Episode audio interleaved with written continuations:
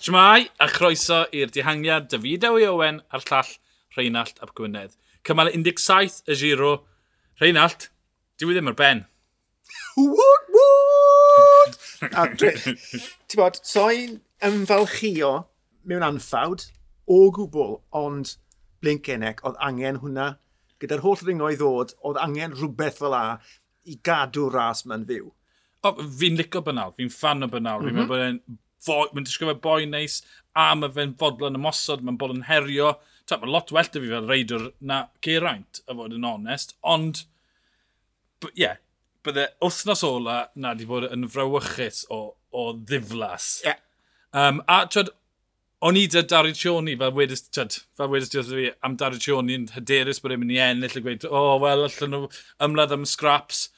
Ond war y teg i Bike Exchange, dewn i Dan Martin, yr enillydd llwy'r heidiannol nath e ennill, twyd, gyda bond o dwy funud ar dechrau'r ringfa, ond y ffaith nath Bike Exchange ymosod o'r, or pasod y San Valentino, maen nhw'n llwy'r heiddi, bopeth gathon nhw heddi, chwarter o fwlch bynal wedi diflannu. Fel i ni wedi trafod, nath Astana geisio fe rhai cymalau yn ôl, ond oedd yr ymdrech yn fyrach, a hefyd nath EF wneud yr un peth, ond eto ymdrech lot yn fyrrach.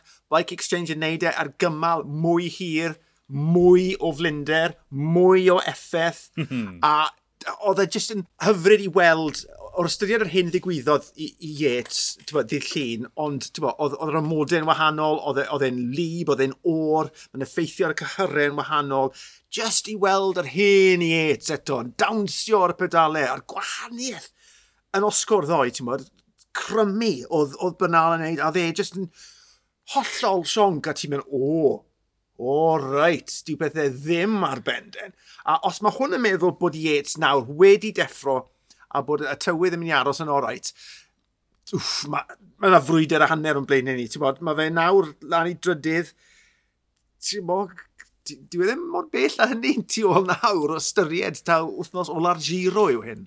48 awr yn ôl, o'n i'n trafod, o'n i'n eitha crac, dim crac, o'n i wedi siomi bod y 2000 metr na o dringo wedi mynd ar goll, achos bydde bynal falle wedi cael ei ofyn cwestiynau gwahanol. Mm. Ond, twyd, Yates gollodd e ar y dod yna, a nawr ni wedi cael yr un teimlad, yr un, quest, yr un ateb yna, a gatho ni, ti'n methu ymddiried, os ti'n unio, os ti'n methu ymddiried yn bynal to, okay, falle neitha, falle diwrnod arall yw e, un diwrnod gwael yw e, a neitha e llwyddo adfywio i hynna. ond twyd, o styried beth sy'n o flaen e, mae trydiau nawr, os dyw e ddim yn ennill y giro hyn, mae yrfa fel arweinydd ar ben. O'n i cadw gofyn y cwestiwn, pwy mor ddifrifol yw'r y, y, y, cefen, y sefyllfa iechyd yn sydd yn amlwg yn rhan bwysig o'i fywyd.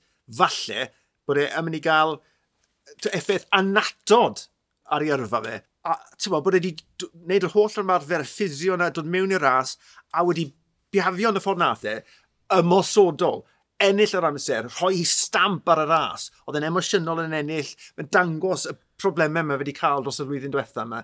Ond wedyn ni, mewn chwinciad, y pethau yn newid. Ti'n modd, nath y tîm y waith perffaith, yr holl ffordd i'r wal na, pan math y serthedd, a ni'n gwybod yn union ble oedd yn mynd i ddigwydd, bang! Iet rath gynta, oedd rhaid i bynal ddilyn, ac bron yn syth o ti'n gweld bod problem dy fe. Ond oherwydd bod y graddiannau ar y dechrau ddim yn 8%, ddim yn 7%, ond yn 10%, oedd yn golygu bod rhaid i nhw ddringo, bod nhw yn y coch yn barod yn cyrraedd ni. Nid fel y zonclan, oedd y gwendid yn y coesau.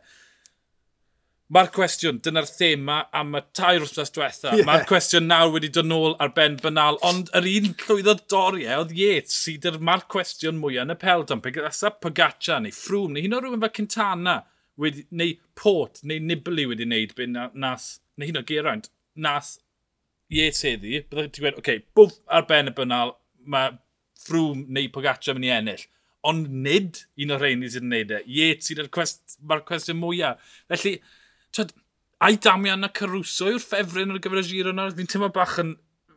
Mae fe'n teimlo'n wrong i weid. Ond efe fe'r ffefryn, achos nath e... Welodd e banal mewn trafferth, nath e...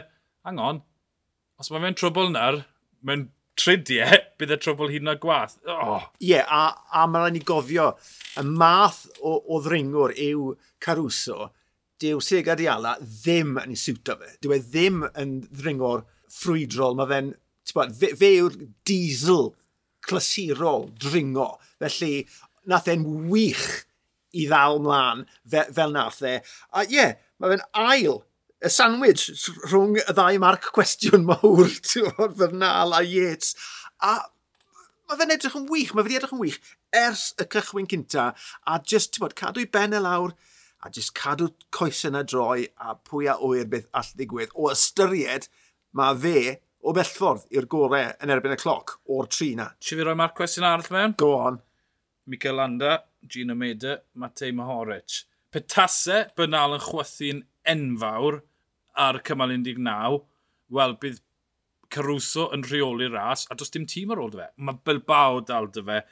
Mae, mae Jan Tratnig y Fals yn o'r right, ond mae'n dal gwendid fyna, lle mae rhywun lle cymryd y, y, y potensial i ymosod ystyried bod e'n mynd mor uchel yng Nghymru Legend. Dim clyw dyn ni beth sy'n mynd ddigwydd, a o, o ystyried beth o'n i'n timlo fel bore yma, mae hwnna'n sefyllfa rhyfeddol i fod mewn. Fi credu, mewn ffordd od, mae Caruso yn jyst yn gobeithio bod nhw ddim yn mynd i golli gormod, bod yep. nhw ddim yn mynd i gwmpo gormod dros y dibyn achos mae fe angen cael y boes yna o'i flanau. E. Mm -hmm. Mae rhaid iddo fe guddio'r holl yeah. ffordd i'r ras yna yn erbyn y cloc. Felly mae fe mynd i fod yn breuddwydio ac yn gofyn i'r nef i bido gadael y dau dîm na i gwmpo ar lyd. Neu ffôn o Tari Pogaccia yeah. a gofyn sydd i guddio yeah. ar flan y pelto. Mae wedi gwneud job yn gwych fe. A twyd, fi'n sicr bod Yates, bod Bernal yn meddwl, ie, yeah, ond Caruso, na, dwi e ddim dwi e ddim cweith na, allan ni ddelio dy fe, felly fi'n siŵr bod nhw'n mynd i ddiastyriau. Hyd yn oed os maen nhw'n gweud wrth hyn, na, na, na, twyd, fi'n mynd i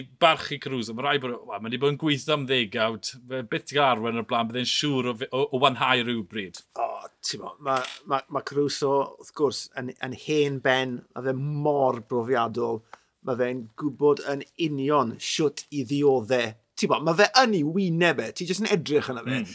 A mae fe'n edrych fel, ti'n bod... Craig.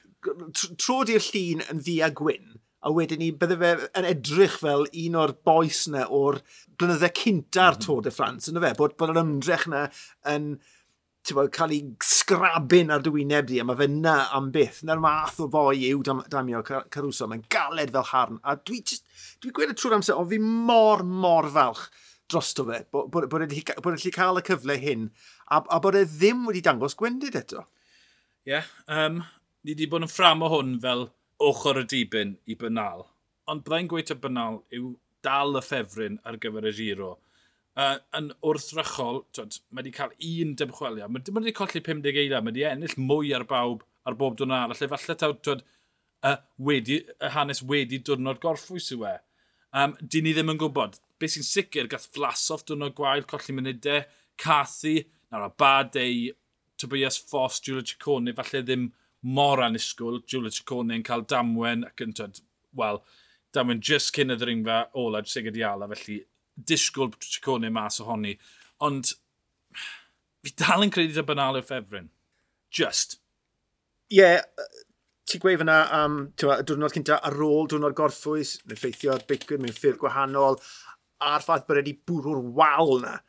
A, a ti'n ma, ni ddim yn mynd i weld wal fel a eto yn y ras. Felly bydd, e, bydd Bernal yn ddiolchgar bod, bod e just yn mynd i orfod bod yn ddiesel yn hytrach na bod, gafr mynydd i, i, i ymosod ar, ar serthedd effernol fel la. Felly mae hwnna falle'n chwarae mewn i ddwylo fe, ond jyst gawn i weld pa fath o effaith mae hwn wedi cael arno yeah, y deg eicha mae'n werth ddisgwyl ar hyn o bryd o ran dosbarthau cyffredinol. Bynal yn y pink, Caruso 2 munud 21 tu ôl, Yates 3 munud 23, wedyn mae'r bylch yn agor.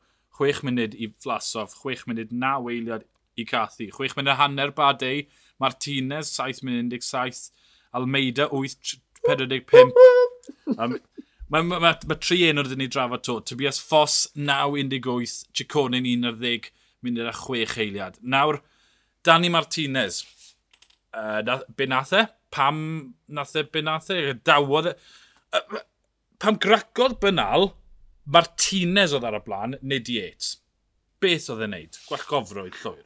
Uh, mae pethau ar, ar lethrau fel la yn llun newid mewn eiliad, ond nhw. So, o bosib ar y pryd, oedd e jyst yn defnyddio'r tacteg, oedd e jyst yn cario ymlaen y gwaith, oedd e lle wedi wneud, ond wedyn ni, ti'n ath e pop, a fel wedes i ar, ar, ar, yr aglen, pam i ti y misg cynulleidfa fel la sy'n sgrichen yn y glisti, ti, ti, ti, ti methu clywed y radio, a falle oedd, ti'n bod, Sioni yn mynd, mae wedi craco, mae wedi craco, a bod e'n just ffili clywed, a ar, ar serthedd fel afyd, mae'n anodd iawn edrych yn ôl, ond falle, falle dylse wedi wneud yn gynt.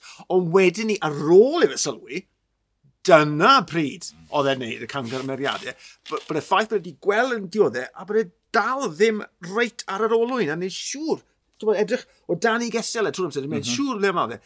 E, oedd y bwlch na'n enfawr am oesodd ar ôl y sylweddoli. Felly mae yna ma tipyn o fai ar Martinez diffyg profiad. Mm. Twyd, mi ddath e draw o tîm EF ac oedd yn arweinydd yn tîm EF, felly to, mae e'n cymryd chydig bach o amser. Nid tîm Tôr y Ffrans i dynno fan hyn, no, no. nid profiad Michał Kwiatkowski, nid profiad rhywun fel Wout Pauls. Bydde Wout Pauls byth di wneud y cangymeriad yna. Na. Trydydd wythnos, gwybod union beth mae'n neud. Felly, tyd, y tro cyntaf mae'n gwneud cangymeriad, felly nes i gadael e fynd, ond oedd e'n cangymeriad eitha mawr.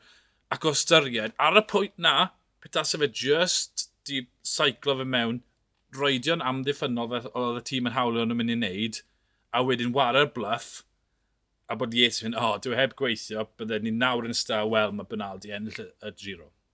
Mae ymwysodiadau anferthol yn mynd i ddigwydd am weddill y daith. Dyw coff ddim na, Castro i Fech yn dysgu'n ffantastig, a mae e'n mynd i fod yn gyffelib mowr, ond mae gymaint o waith yn mynd i fod yn dyrdau na i wneud am, am y tridiau i ddod ni wedi gweld y sawl gwaith, mae ma sawl un o, o aelodau unios wedi gorfod wneud gwaith dau ddyn, achos bod Sifgof ddim na. Mm -hmm. A, ti'n wad y teg, maen nhw wedi gwneud jobyn ffantastig, ond mae'r rhaid i nhw fod yn wyliadwrus nawr. Gan bod y crac cynta nawr wedi dangos, allan nhw ddim just hamddenna ar y blaen yn bwrw'r tempo caled na drosodd a throsodd a throsodd. Ti'n gwybod, di, di ni ddim yn y man na nawr. Mae rhaid i nhw fod yn ofalus. Mae rhaid i nhw feithrin Egan Bernal i'r linell. Mae rhaid nhw gario fe bron a bod achos mae'r ma, ma crac na wedi dangos. Jao Almeida. Yes. Disgo'n gret yn dod e. A, um, a mae rhaid fi gwadde, o'n i'n meddwl dim o Almeida. Dar wrthnos yn ôl, o'n i'n meddwl dim o Almeida 48 awr yn ôl, felly mae wedi sioma fi ar yr ochr ore gallu dringo gyda'r gorau yn y wythnos ola yn y, yn y tor. A fi'n... Wel, be mae pawb yn mynd i ofyn, dylen nhw wedi cefnu, e, e, roi, roi, bod yn gefnu fe y tîm o'r dechrau hyn o'r pam gollodd y bedwar mynd achos o Remco ar chwal. Be ti'n credu? Um, dwi o'r fan, a mae, ma hwn yn dangos, ti'n bod, ieuenctid, bod Remco pam gollodd uh, Almeida ar amser yna, nath iddo mas yn gyhoeddus o gweud, wel, dyna ddangos, taw fi yw'r cryfa, fi yw'r capten, a wedyn ni, mae fe'n cwmpo'r led, ond erbyn hynny, oedd, oedd Almeida wedi colli lot gormod o amser. Fi jyst yn hapus bod Almeida, gallai hwnna wedi wared ei benne, bod e wedi dangos y cryfder i ddim rhoi lan, a sylwi bod y cryfder na, a jyst bwrw'i ffordd nôl yn dawel bach.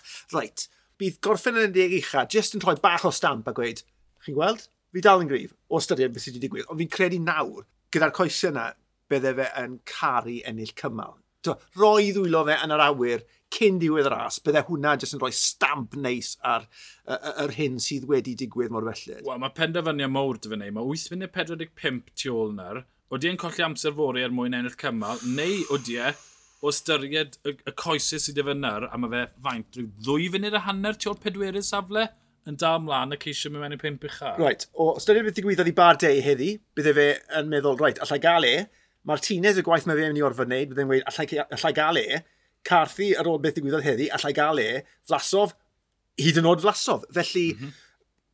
pam lai, just, just cadw bwrw e o nawr tan diwedd di sadwn, a just gweld le allai fe fe'n i bant. O ystyried taw fe oedd gregario Remco i gychwyn, i allu orffen yn bedwerydd yn y Giro d'Italia ar ôl hwnna i gyd, wel, pob un yn paso, mae hwnna'n ado 100,000 i'w gytundeb. E. Os mae'n fe'n paso'r yeah. pedwar yn nhw, mae hwnna'n ado miliwn i gytundeb e, os dyrie bod e'n 22. Uh, gair ola y dydd amdan Martin, tyd mae e'n teimlo'n siom braidd bod ni heb sôn amdano beth nath e oherwydd y digwyddiadau ymhellach lawr hewl. Ond mi ddechreuodd y ddringfa gyda rhyw ddwy funud yeah. o fwlch. Dim. Ie. yeah. A mi ddalodd ymlaen i fe, gyda pawb yn ffrwydro trôl ni, felly war y teg i fe, yn sylweddol oedd e nad oedd dyfe coesau ar gyfer y dosbarthu cyffredinol. Newid ac o ystyried y ffatig oedd yn y coesau, ni wedi gweld fel bod fe Bennett methu delio dy'r dihangiad. Oh, dyna beth yw Dan Martin. Enllwyr rhasys undydd boed e mewn Grand Tours neu mewn rhasys undydd i'r go iawn. O'r diwedd mae wedi cael y trindod cymal mewn pob Grand Tour a ti gweld yr wyneb e pwy mae'r hapus oedd e uh, fe nath mwyafrif y gwaith yn y dihangiad na, fe rwygodd e ar y Sega Dial, a fe oedd y cryfa, a oedd, oedd e ddim yn gofyn am help wrth neb. Oedd e just, oedd e un llygad o fe ar gopa'r ddringfa, a dyna hi o'r cychwyn cynta. Fe oedd y cyfa o bellffordd, a o styried y tempo tu ôl, Mo, ond nhw ddim yn wario tu ôl, oedd ond nhw yn symud a, a nath e lwyddo gyda just bwlch o ddwy funed. Wedes i, ti'n bydde angen dwywaith hynny ar unrhyw ddiangiad i lwyddo, ond just cadodd e fwrw'r tempo na ffantastig. Dim just bod e wedi ennill cymal yn y giro o'r diwedd, ond e modd nath e wneud e. Nath e ennill heddi, dim rhodd oedd hwnna, nath e ennill. Cytuno gant y cant. Cymal 18, mae e'n rhyw 230 km yn y drydydd wythnos.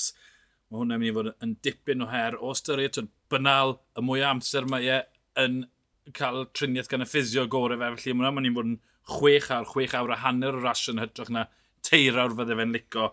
Um, mae yna fryniau yn y diwedd ddim rhy herio, felly tyd, y cwestiwn yw, oeddi Sagan yn mynd i fynd yn y dihangiad neu oeddi yn mynd i fod i'r tîm i weithio trwy'r dydd i ceisio reoli dihangiad. Byddai'n damfod Sagan yn y dihangiad a gadael y gweddill i gael napach. Ti ddim eisiau tîm i reoli beth sy'n basically yn gent Wefelgem yn drydydd wythnos y Giro d'Italia, mae hwnna'n mynd i fod yn ofyn mawr. A pam lai, a mae fe eisiau'r pwyntiau, ti'n bod, roi stamp ar y ciclamino, so pam lai, jyst mynd yn y dihangiad, byddai'n frwydr go hegar i, i fod yna, ond pam lai, cer mewn, rôl dwrnod boff bach i'r tîm, ti'n bod, just, just, a byddai'n neis gweld e mewn dihangiad, bydd bynnag.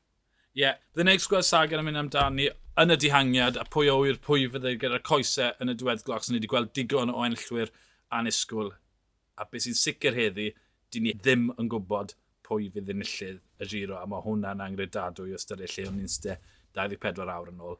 Mi nwch ni wedi'r cymal fori i drafod digwyddiadau'r dydd yma. Fi Dewi Owen a'r llall Rheinald Llap Gwynedd, ni'r dihangiad, hwyl.